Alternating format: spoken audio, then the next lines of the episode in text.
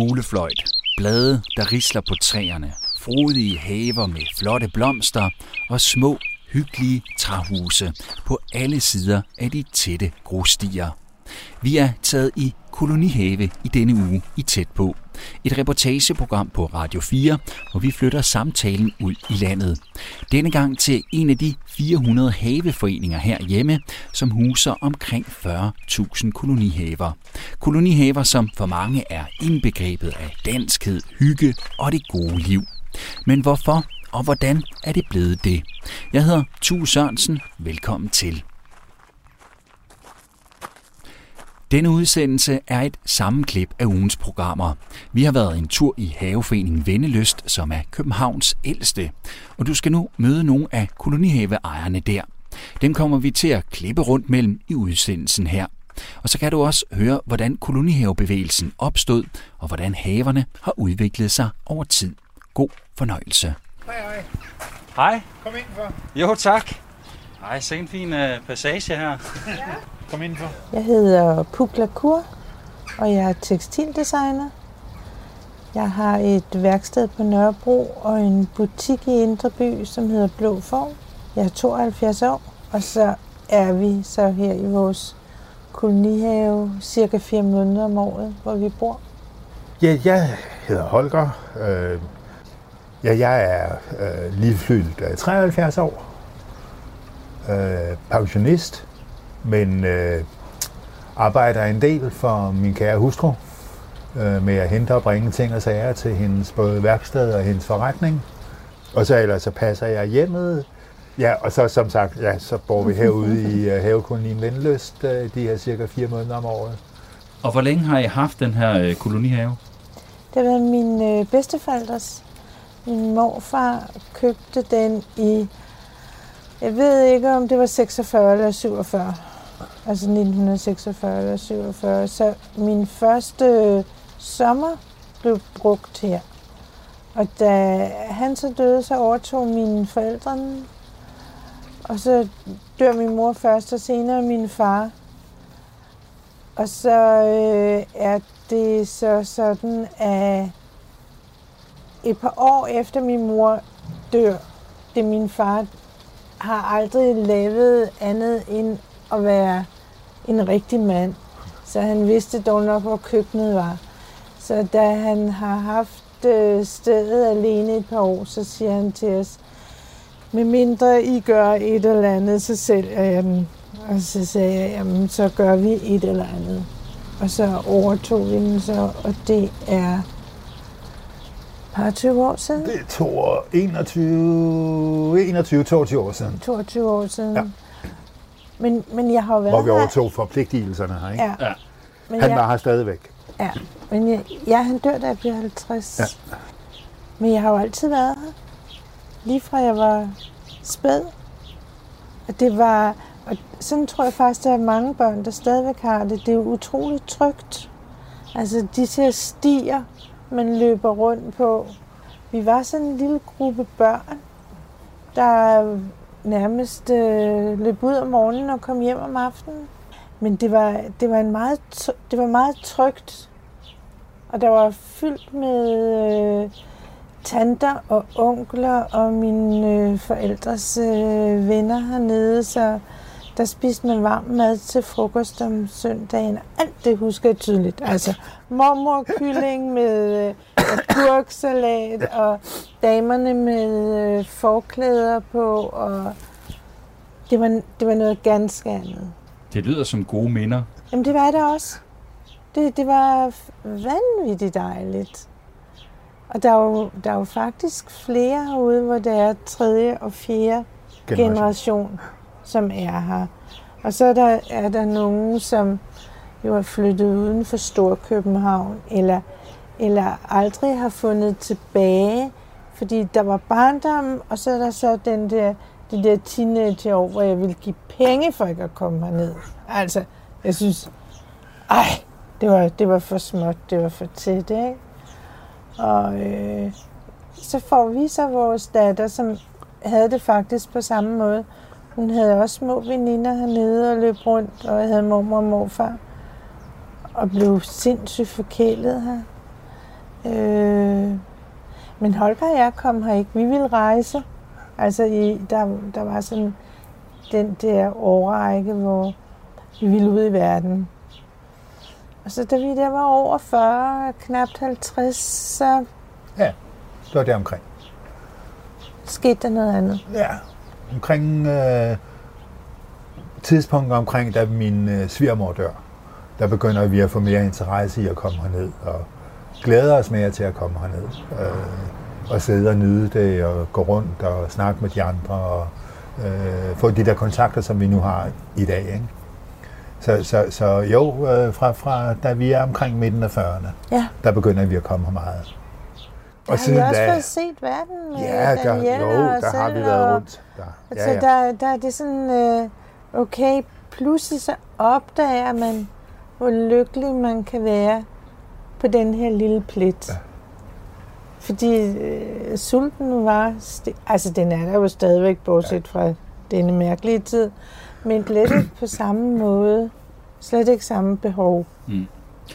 Prøv at beskrive den lykke, det så er, I føler, når I er på den her lille plet, som, du, som I kalder det. Jamen, Det, og der, der er sådan en stillhed, Ja. en enkelhed. Altså, Jamen, der, der, der er den der helt specielle følelse af, når du kommer ude fra øh, det store øh, liv derude, byen, og du så kommer her og går ind igennem porten. Så pludselig så falder dine skuldre ja. ned, og du er sådan, ah, hjemme. hjemme. Ej, hvor dejligt. Og ikke fordi, at vi skal ned og slappe af. Der er måske en hel masse, der skal ordnes og laves, og der skal klippes lidt i haven og alt muligt andet. Vi skal have aftensmad, der skal skrives og vi papir. Ja, ja. og, Og, altså, livet men, fortsætter. Men, men, men det er en helt, helt, helt andet, hvad skal vi, afslappet liv. Selvom der er travlt, så er det meget afslappet. Og så er der den der vidunderlige atmosfære hernede. Hej, man hilser på alle. Man kender en masse hernede. Hej, dag, nå, hvordan går Nå, gud, nej. Nå, øh, hvordan går det med det nye barnebarn? Men, altså, man, man kender meget hinanden hernede, fordi vi er så tætte. Så, så vi kommer meget i, i, øh, i tæt kontakt med hinanden. Ikke som man gør ind i lejligheden, hvor det er øh, op 4. sal, 5. sal. Øh, man kender dårligt nok, hvem der bor der. Øh, og den der følelse af den der, er det ukompliceret? ja, og også en form for intimitet. Fordi vi bor så tæt hernede, ikke? Ja, den der, den der, den der tæthed. Men samtidig bestemmer man selv, hvor lidt Ja, og hvor ja. meget man vil være sammen med. Ja, ja, ja. Og I bor her været fire måneder hver sommer, eller sådan Ja, fra flyttede hvad? midt maj, og- for midt maj. ja. Midt maj. Ja. Flytter hjem først i september. Alt efter, hvordan Vind vejr. Vinder vejr, ikke? Og har det været sådan altid, eller hvor mange år har I gjort det? Ja, et par 20 år. Ja, par 20 år nu. Hvordan er det at bo her? Fordi jeg tænker, det er jo noget andet, fordi der er jo ikke, selvom det er en stor grund, som du siger, Holger, så... Nej, altså vores sådan rent, hovedhus, øh, altså vores hovedhus, det er 12 kvadratmeter, ikke? Ja. Og vores køkkenhus, det er cirka 6. Og så har vi så det her, ikke? Som er sådan en øh, overdækket... Ja. Overdækket det? Terrasse. terrasse. Ja, Ja. ja. overdækket terrasse, ikke? Men åben. Sådan så, ja, vind og vejr, ikke? Ja, man Men- har sådan lidt fornemmelse, at man stadigvæk er i haven. Ja. Men det vi har sørget for, det er, at alle de, altså, der er fjernsyn, vi kan have computer, vores telefoner virker, øh, alle, alle de der ting, Som er kan- nødvendige i som det er- her moderne liv. i hvert fald for os, de fungerer, ikke? Øh, der er brusebad her, og øh, der er et tørkloset. Vi har, hvad vi skal bruge Vi her. har, hvad vi skal bruge. Men det bliver bare meget simpelt. Altså, det, det, det bliver bare kogt ned, til man tænker, gud, kan man øh, virkelig leve med så lidt? Og da vi skulle flytte fra vores store lejlighed til noget, der var mindre, en af grundene til, at vi øh, ikke behøvede at kigge efter en ret stor lejlighed, det er jo, fordi vi har boet her alle årene og vidste, at hvis man indretter sig, Minimere så lidt. ja, Mm. Så og kan lade man, være med jo hele tiden at skulle skifte ud og have Ja. mere, så kan man faktisk bo på ganske få kvadratmeter. Hvad laver I, når jeg er her så? Ja, hvad laver vi? Læser, øh, Øh, læser, går tur, går, går tur, går rundt og besøger de andre her. passer haven. Passer haven. Øh, går på festpladsen, øh, som regel om eftermiddagen, når folk er kommet hjem fra arbejde og lige sidder og snakker lidt og får en øl. Jeg snakker lidt om man kan sige, det, altså foreningslivet, som jo også er herude, mm. øh, fællesskabet, der ligger i det. Ja. Kan I ikke prøve at, at fortælle lidt mere om, altså, hvad, hvad betyder det for jer, og, og hvorfor er det en så vigtig en del af det at have en kolonihave? Men ja, hvad betyder fællesskabet for os? Øh, jeg vil sige det på den måde, at uden det fællesskab, der er hernede, så ville det være hammerende kedeligt. Altså bare det kun at være i sin have og ikke have kontakt med nogen af de andre. Øh, få den der snak og latter og sidde og få en øl eller to op på festpladsen.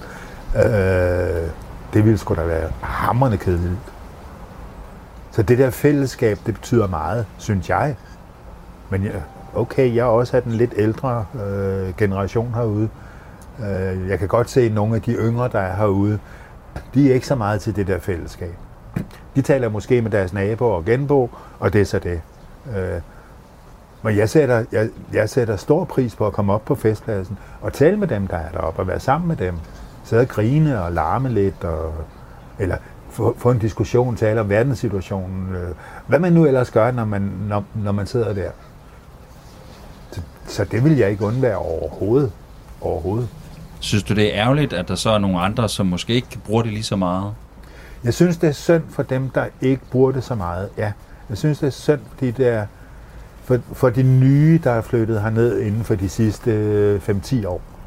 Øh, eller inden for nu, og så 10 år tilbage. Ikke? At, at øh, jeg, jeg synes, det er synd for dem, at de ikke er, hvad skal vi sige, en del af fællesskabet på den måde. Fordi det, det, det, det bringer os på en eller anden måde sammen, knytter, knytter nogle forbindelser, der er gode at have, øh, til hvis der sker et eller andet. Øh, så ved man, jeg ved hvem, i hvert fald hvem jeg kan gå hen til at sige, du, sådan og sådan, jeg har det her problem, kan du ikke lige hjælpe mig? Øh, og det synes jeg er synd for dem. Jeg kan godt se, mange af de yngre, nye hernede, de har travlt i deres hverdag, og de bor ikke herude, ligesom vi gør øh, hele sommeren. De er her i weekenderne, øh, måske når de har ferie fra deres job, er de herude. Øh, så det er selvfølgelig ikke det samme, men alligevel. Jeg, jeg synes, det er synd for dem. Der er mange, der bruger det som en altan. Ja. Altså hvis, hvis du bor øh, tæt ved, og det gør du, når du er faktisk i hele København, ikke? så kan du enten på cykel eller med offentlig eller bil ikke? komme hertil på ingen tid. Og så det, at det er så billigt, at det koster så lidt, Mm. det gør, at der er ikke det samme pres på at have øh, en kolonihave, Ja. som det er at have et øh, sommerhus, hvor du skal lægge rigtig mange penge øh, hver måned. Og, og øh, jeg tror også, at nogen får, og sådan har det altid været, nogen får et, en, en have herude, og så havde de måske en drøm om, hvad det var, og når de s- så kommer til stykket, så er det for småt. Ja. Altså, det er ikke... Øh, øh, det, det er for småt måske til at udleve den fantasi, de har haft om det. Og det, det kan så være, så falder interessen, fordi hvis du ikke passer det, så bliver det til sådan en øh, lidt en dump og, og, og noget, der hænger over nakken på dig. Øh, Og det er det desværre. Øh, Ja, og sådan er der nogle haver ude, der, der er. Men det har der Men det er altid. altid, det har altid, i, alle, i hele min 72 20 år liv har det været sådan, og det har været, det har været de samme samtaler, at der er nogen, der synes, det er øh, interessant med Mm. miljøet her. Mm. Og der synes, det er øh, hyggeligt på pladsen, og, øh, og, og, og forstår øh, den der sådan egentlig lidt gammeldags måde at være på. Og så er, er der andre, som, som føler, det er, det er for tæt. Og det er... Ja, de ved ikke lige, hvad de skal stille op Nej. med det. Jeg tror mere, det er det. At de ved ikke rigtigt, hvad de skal stille op med det der fællesskab. øh, som jeg jo synes er en væsentlig del af det at være kolonist. Øh, det er fællesskabet.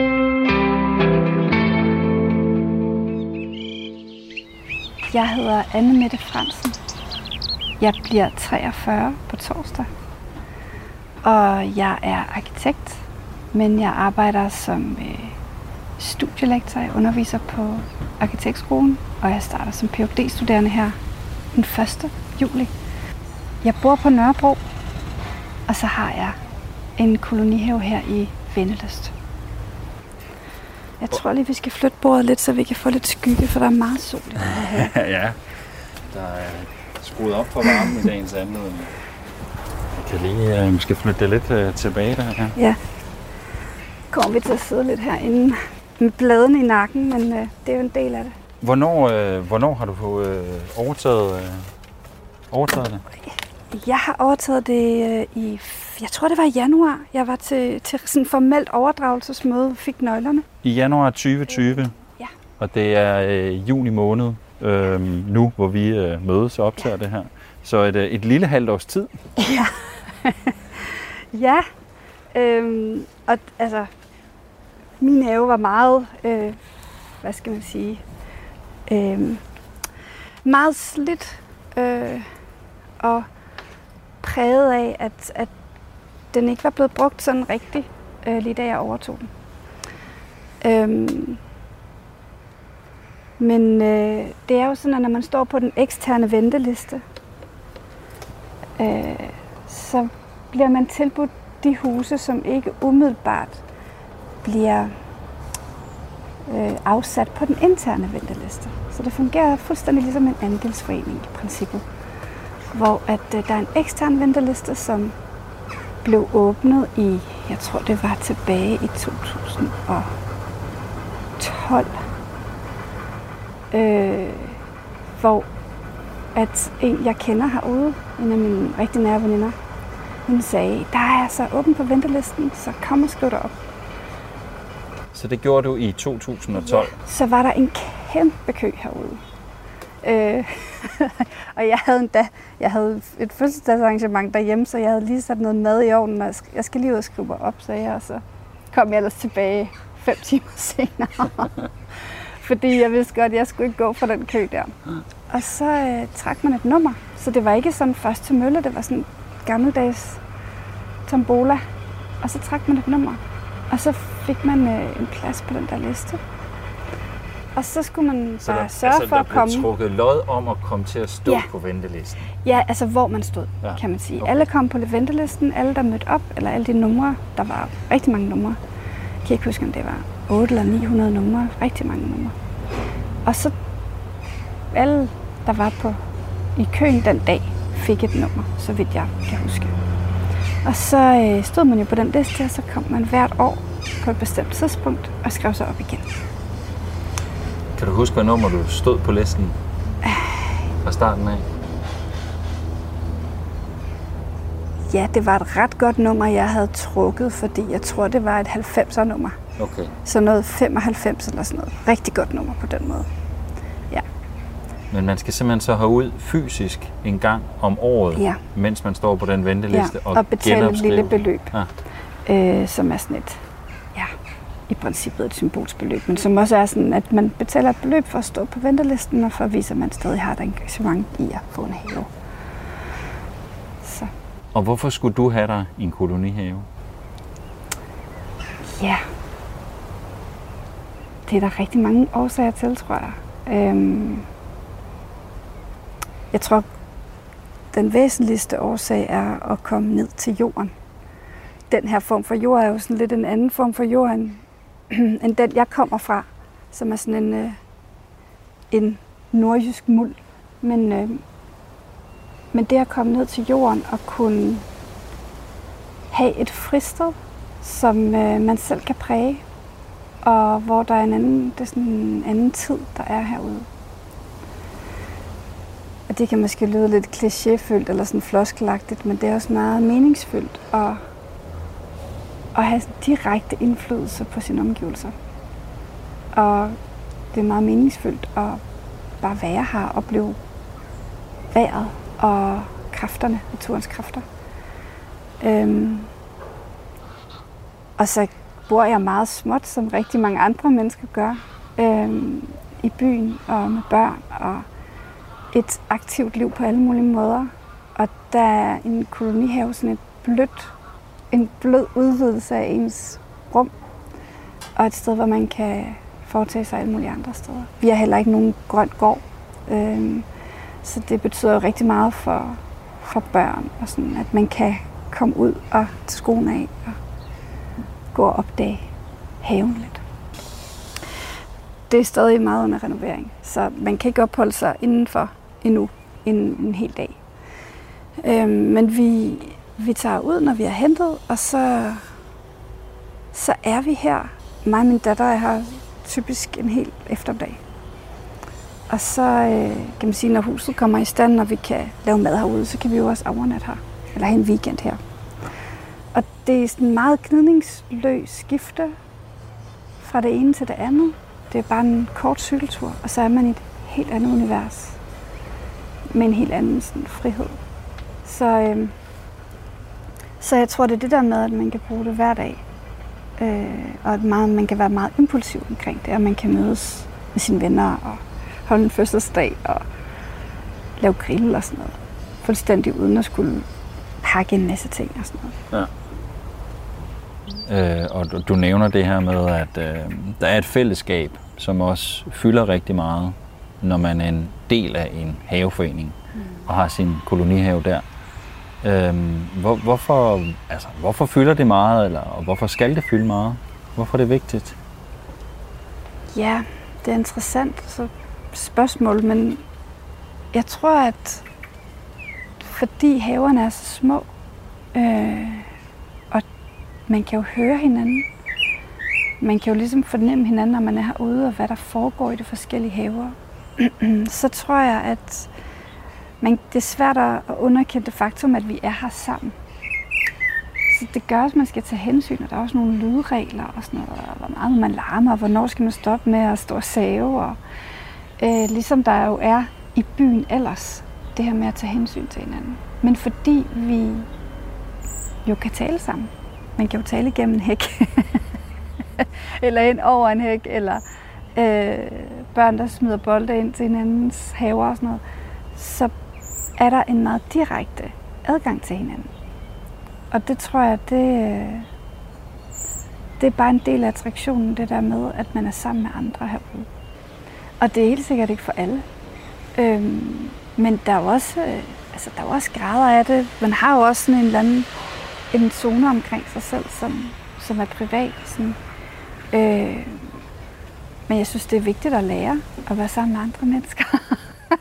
jeg synes på en eller anden måde, at, at, at vi har det for lidt i vores samfund.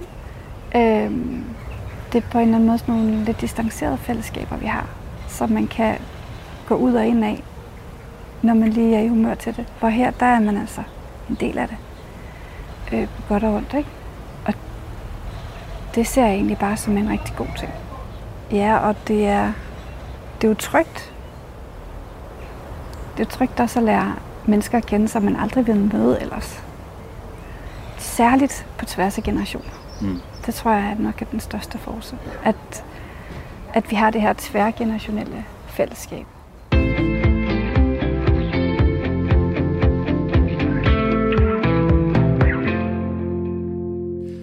Du lytter til reportageprogrammet Tæt på, hvor vi er i gang med at høre et sammenklip af ugens udsendelser, hvor vi går tæt på kolonihavelivet.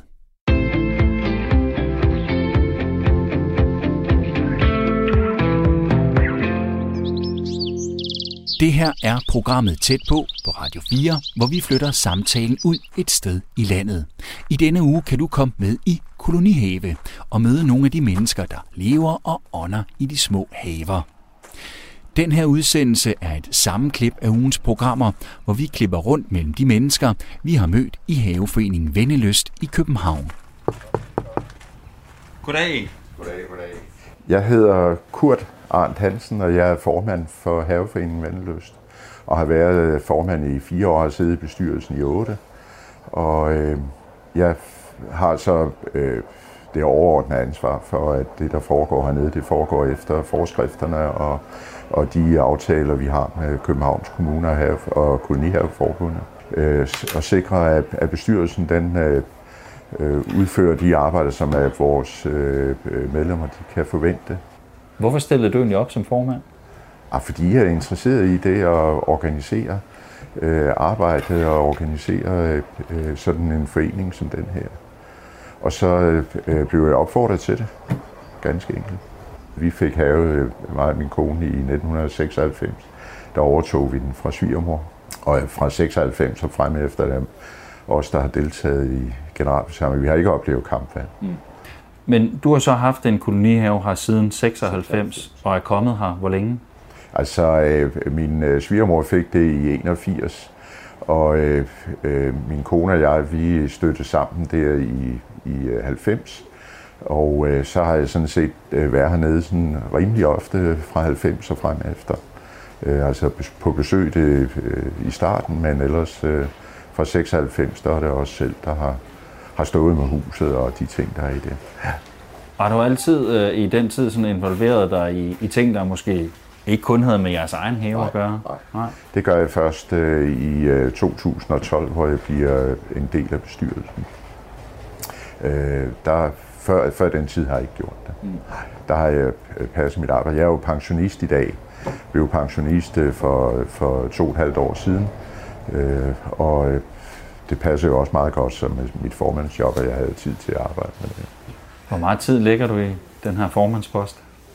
Jeg har måske nok lagt for meget tid i den. Det er svært at opgøre øh, præcis, ikke? men øh, jeg har sat sådan en, øh, en øh, bare op, der siger, at øh, når folk de øh, henvender sig til os enten øh, på, på skrift eller på øh, SML eller, øh, eller på, på mail, at så øh, sigter jeg på at svare rigtig hurtigt, og det vil sige en dag eller to efter, de har skrevet det, det seneste.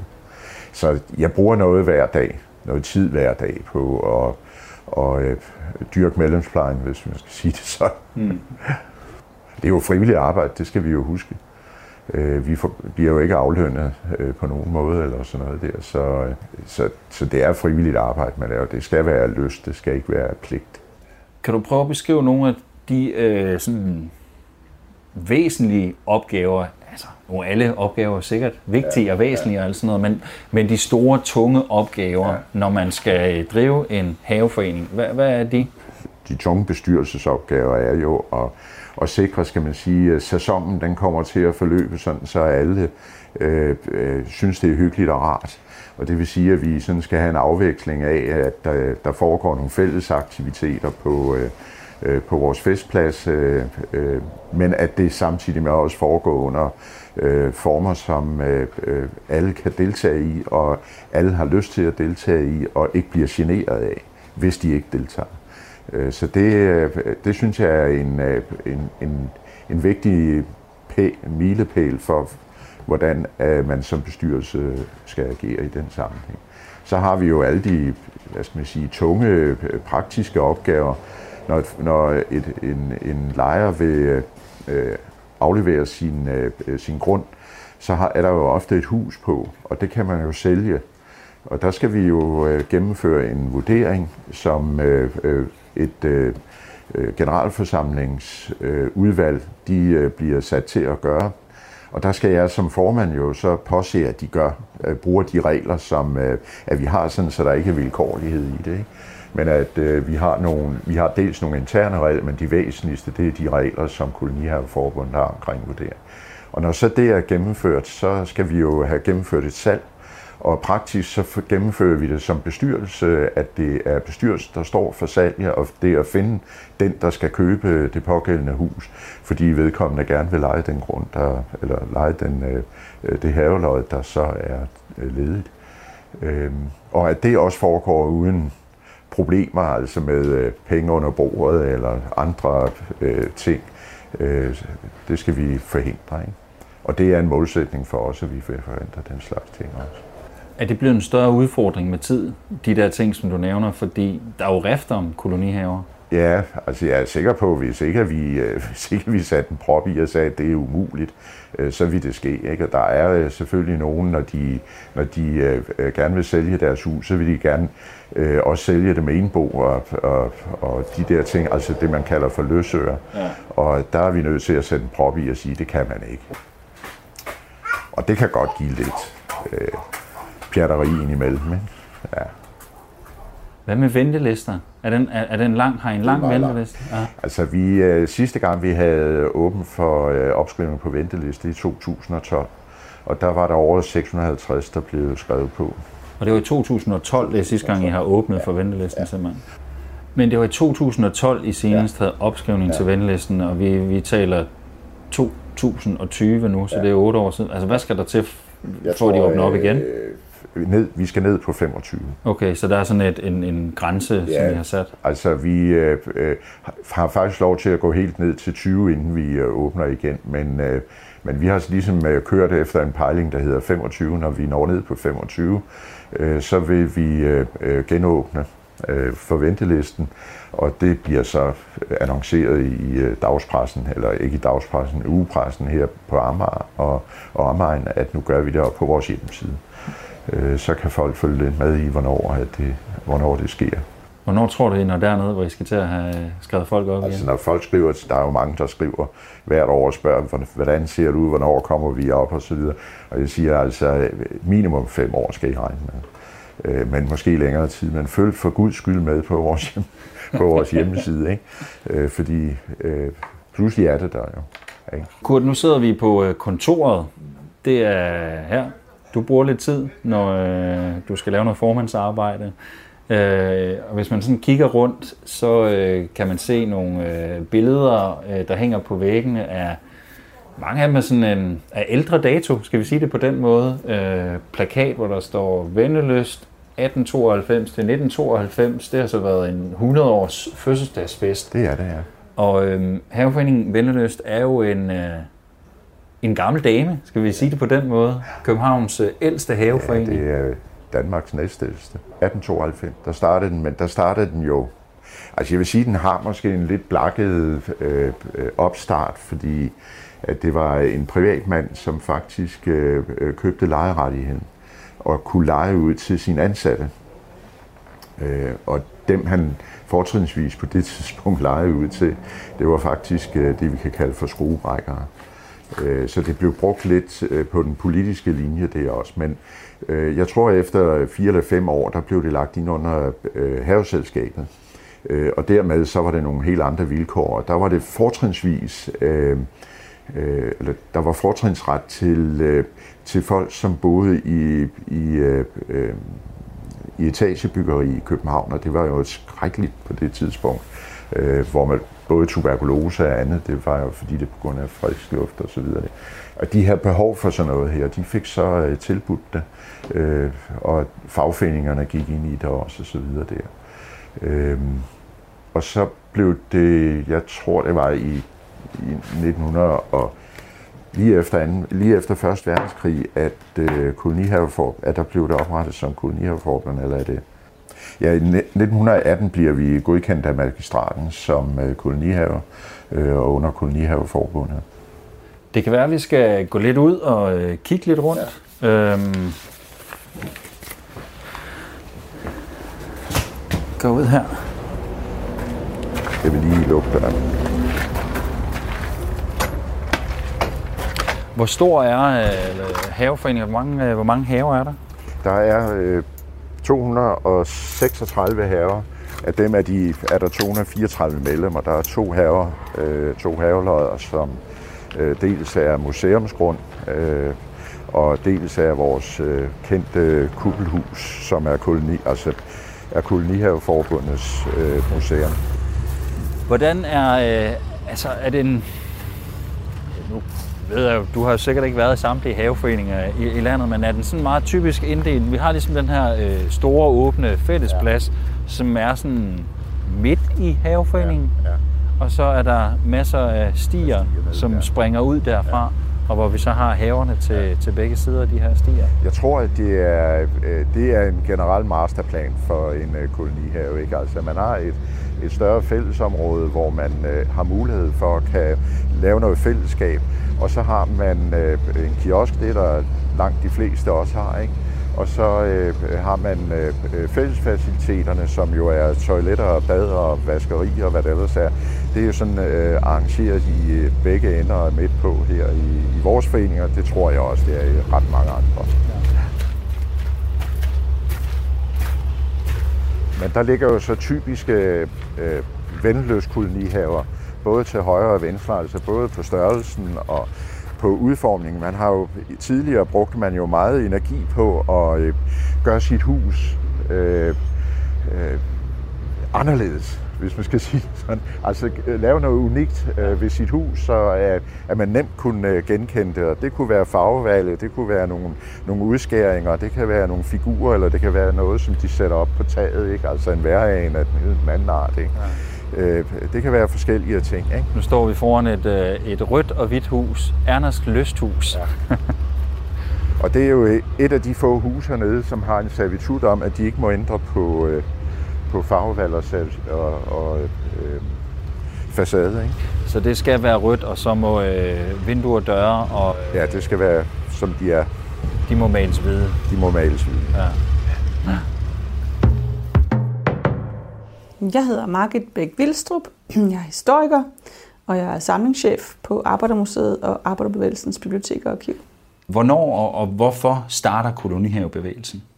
Det kommer lidt an på, hvordan man definerer kolonihavebevægelsen, fordi øh, man har haft nyttehaver, små fattighaver, i hundredvis af år, altså langt før det sådan moderne samfund det opstår, der havde man uden for de store byers befæstningsværker små øh, haver, som de fattige kunne dyrke grøntsager i.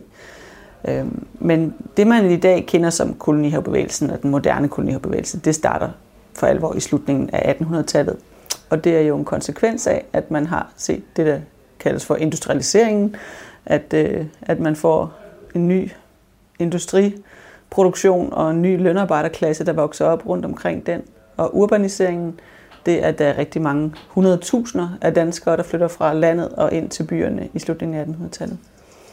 Og de samler sig så i nogle øh, elendige boligvilkår, i nogle meget hurtigt opførte boligkvarterer, øh, netop skabt til den her urbaniserede byarbejderklasse. Og, og det er, der stinker i gaderne, der er os og røg og små bitte lejligheder til en øh, 6-7 personers familie. Øhm, man kan se, at, øh, at folks højde, altså gennemsnitshøjden på befolkningen, den falder markant i slutningen af 18, eller i løbet af 1800-tallet. Og det er jo fordi, de får dårlig mad, de arbejder hårdt. Altså arbejdsugen for sådan en, en standard øh, industriarbejder i slutningen af 1800-tallet, det er 12 timer om dagen, 6-7 dage om ugen, aldrig en fridag. Kolonierbevægelsen vokser, eller vokser ud af etableringen af den her lønarbejderklasse, der, der lever under nogle meget elendige øh, levevilkår. Og øh, det starter i 1884 op i Aalborg. En vognmand, der hedder Jørgen Bertelsen, øh, som, øh, som gerne vil gøre noget godt for arbejderne, og, og som kan se, at, øh, at det at skabe øh, øh, den her kolonihave-tanke, for den bredt ud, det kan måske være med til at løfte nogle af de øh, elendige levevilkår, man har. Øhm, Aalborg Kommune er ikke så umiddelbart interesseret med, i at gå med på ideen, så han, han gør simpelthen det, at han selv leger et større stykke jord, og så øh, leger han det videre ud til øh, arbejdere. Og han leger det ud til dem, der er medlem af Arbejderforeningen af 1865, som er sådan en, en borgerlig øh, arbejderforening, kan man sige. Der var masser af de første arbejderforeninger i Danmark, de var egentlig sådan sprunget ud af en form for borgerlig filantropi, eller en, en, i hvert fald en borgerlig øh, øh, foreningskultur, hvor man sådan prøvede at, at skabe bedre vilkår for øh, svendene og, og egentlig også for de mindre mestre og sådan nogle ting, og, og at, at man gik sammen der. Men det var ikke nogen socialistisk øh, tanke, og Jørgen Bertelsen var selv øh, øh, venstremand. Så, så det, var ikke, det var ikke en socialistisk øh, idé, det her med at skabe kolonihaver. Det var en, en sådan en, en borgerlig øh, tanke om at hjælpe de fattige ud af deres øh, lidelser øh, ved at, lave, at lære dem at lave hjælp til selvhjælp. Altså at man kunne bruge kolonihaverne til at ligesom øh, undgå øh, den her ledigang og alkoholisme, og, øh, og i stedet for øh, få folk ud i naturen og, og være driftige i at skabe deres egen øh, haveproduktion og grøntsager. Det er, den, det er det, man kalder den moderne kolonihavebevægelses øh, fødsel, øh, Øh, og ganske få år efter, så bliver det også etableret den første kolonihaveforening i København. Det sker i 1891, og det er igen en, en borgerlig øh, arbejderforening, nemlig det, der hedder Arbejdernes Værn, som var en ret aggressiv borgerlig arbejderforening, der blev stiftet øh, i forbindelse med øh, en stor, øh, meget stor strække i maskin, øh, eller i, i, i jernindustrien i 1885. Og Arbejdernes Værn var egentlig kendt for at være sådan strækkebrydere og øh, havde nogle tæskehold, der var ude og, og, og, og sørge for, at, øh, at, at de strækker, der, der måtte være, eller blokader, der var, de blev brudt og sådan nogle ting. Men de havde altså også en, en mere øh, den her tanke om, at man ville prøve at organisere arbejderne på et ikke-socialistisk grundlag og lave nogle mere positive øh, aktiviteter for arbejderne, øh, så de ikke blev sådan øh, revolutionært indstillet.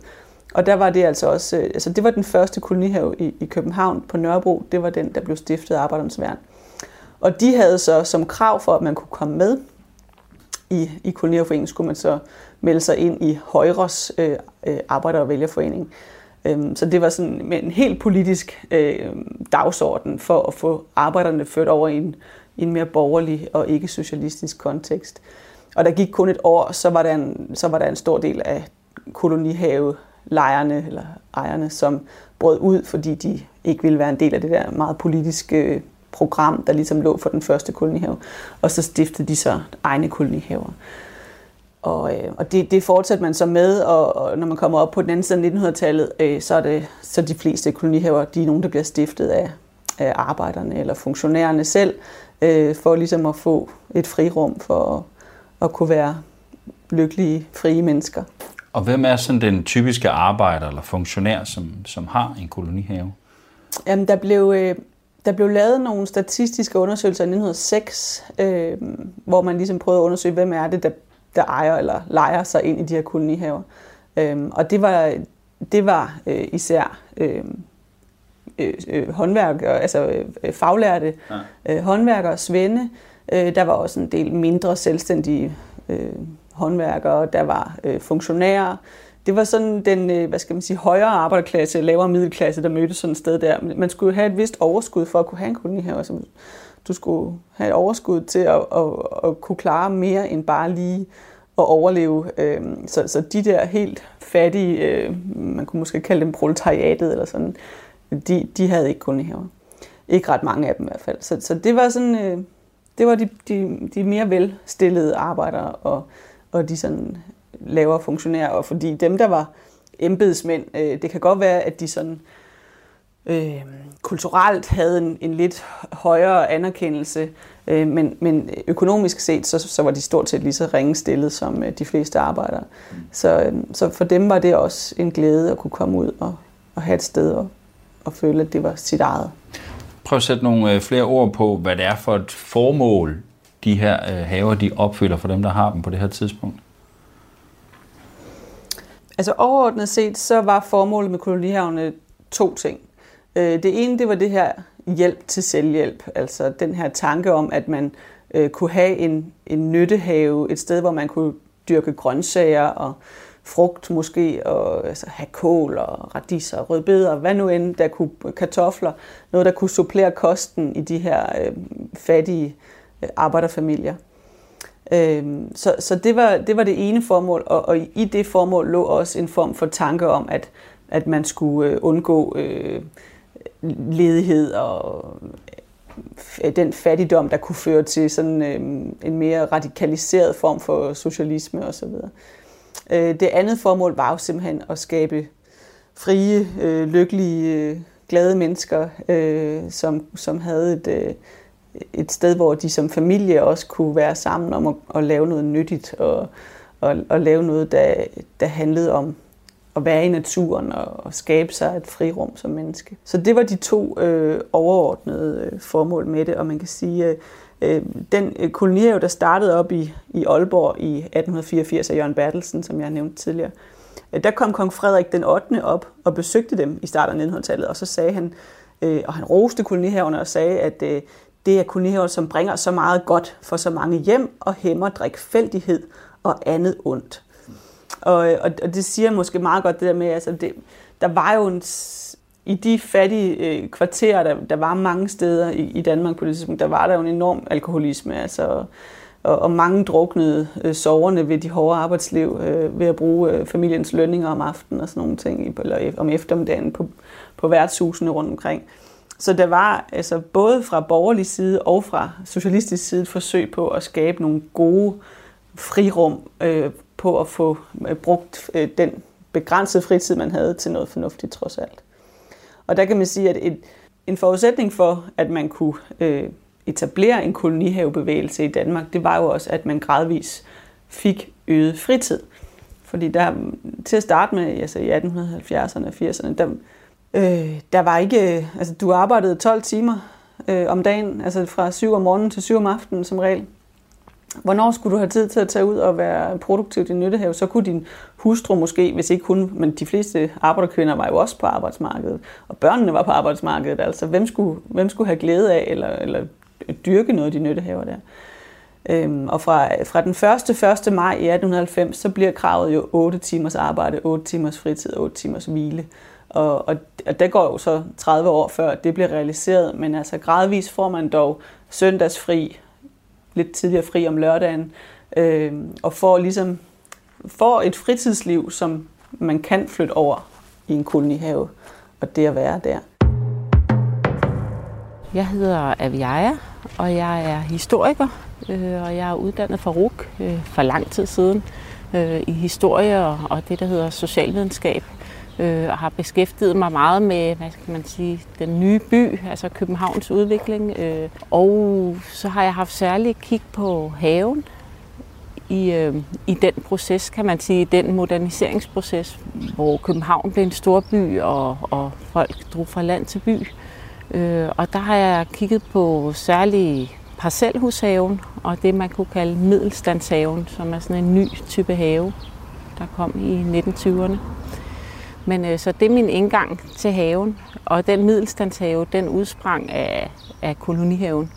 Men, men hvornår sker det der skifte fra, at det går fra at være primært nyttehaver, som mm. også er noget, som øh, måske folk med lidt færre midler har, til at det bliver mere nogle, øh, nogle fritidshaver, nogle byhaver, yeah. øh, og måske også et skift i klientellet af, hvem der har haverne. Mm. Men det sker jo glidende, kan man sige, men det er for særlig... Øh, det får særlig fart der i mellemkrigstiden øh, i 1920'erne, altså dels med denne her lov om, man får sin fritid, øh, øh, og dels også øh, selvfølgelig med, med nogle, øh, nogle muligheder og nogle, øh, nogle nye, skal man sige, øh, klasser på den måde, at de faglærte arbejdere og, og hvad hedder det, håndværkere sådan, blev, fik flere penge mellem hænderne øh, og havde mulighed for at, at drømme om, om et egentligt havehjem, og det der med at sætte foden under eget bord, og, og, og det, det afspejler sig også i kolonihaverne, der blev større, altså hver enkelt have blev større, der kom lidt mere fokus på det private, øh, med større hække. Altså, nu står vi jo her, vi kan se, de er jo afgrænset af hække eller stakitter hele vejen ned. Ja. Når der sker sådan et, øh, et skifte i noget, og også selvom det sker over tid, det er jo sådan en, en brydningstid. Mm.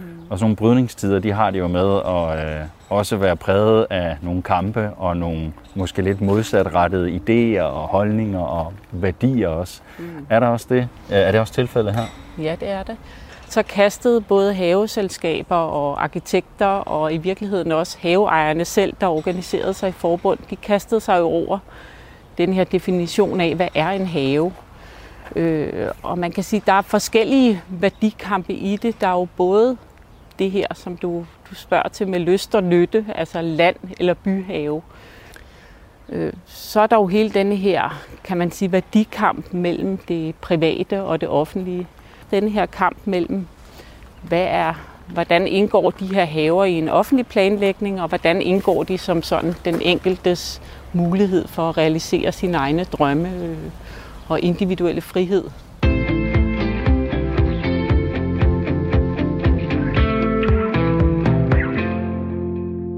Du har lyttet til reportageprogrammet Tæt på på Radio 4, som i den her uge går tæt på kolonihavelivet.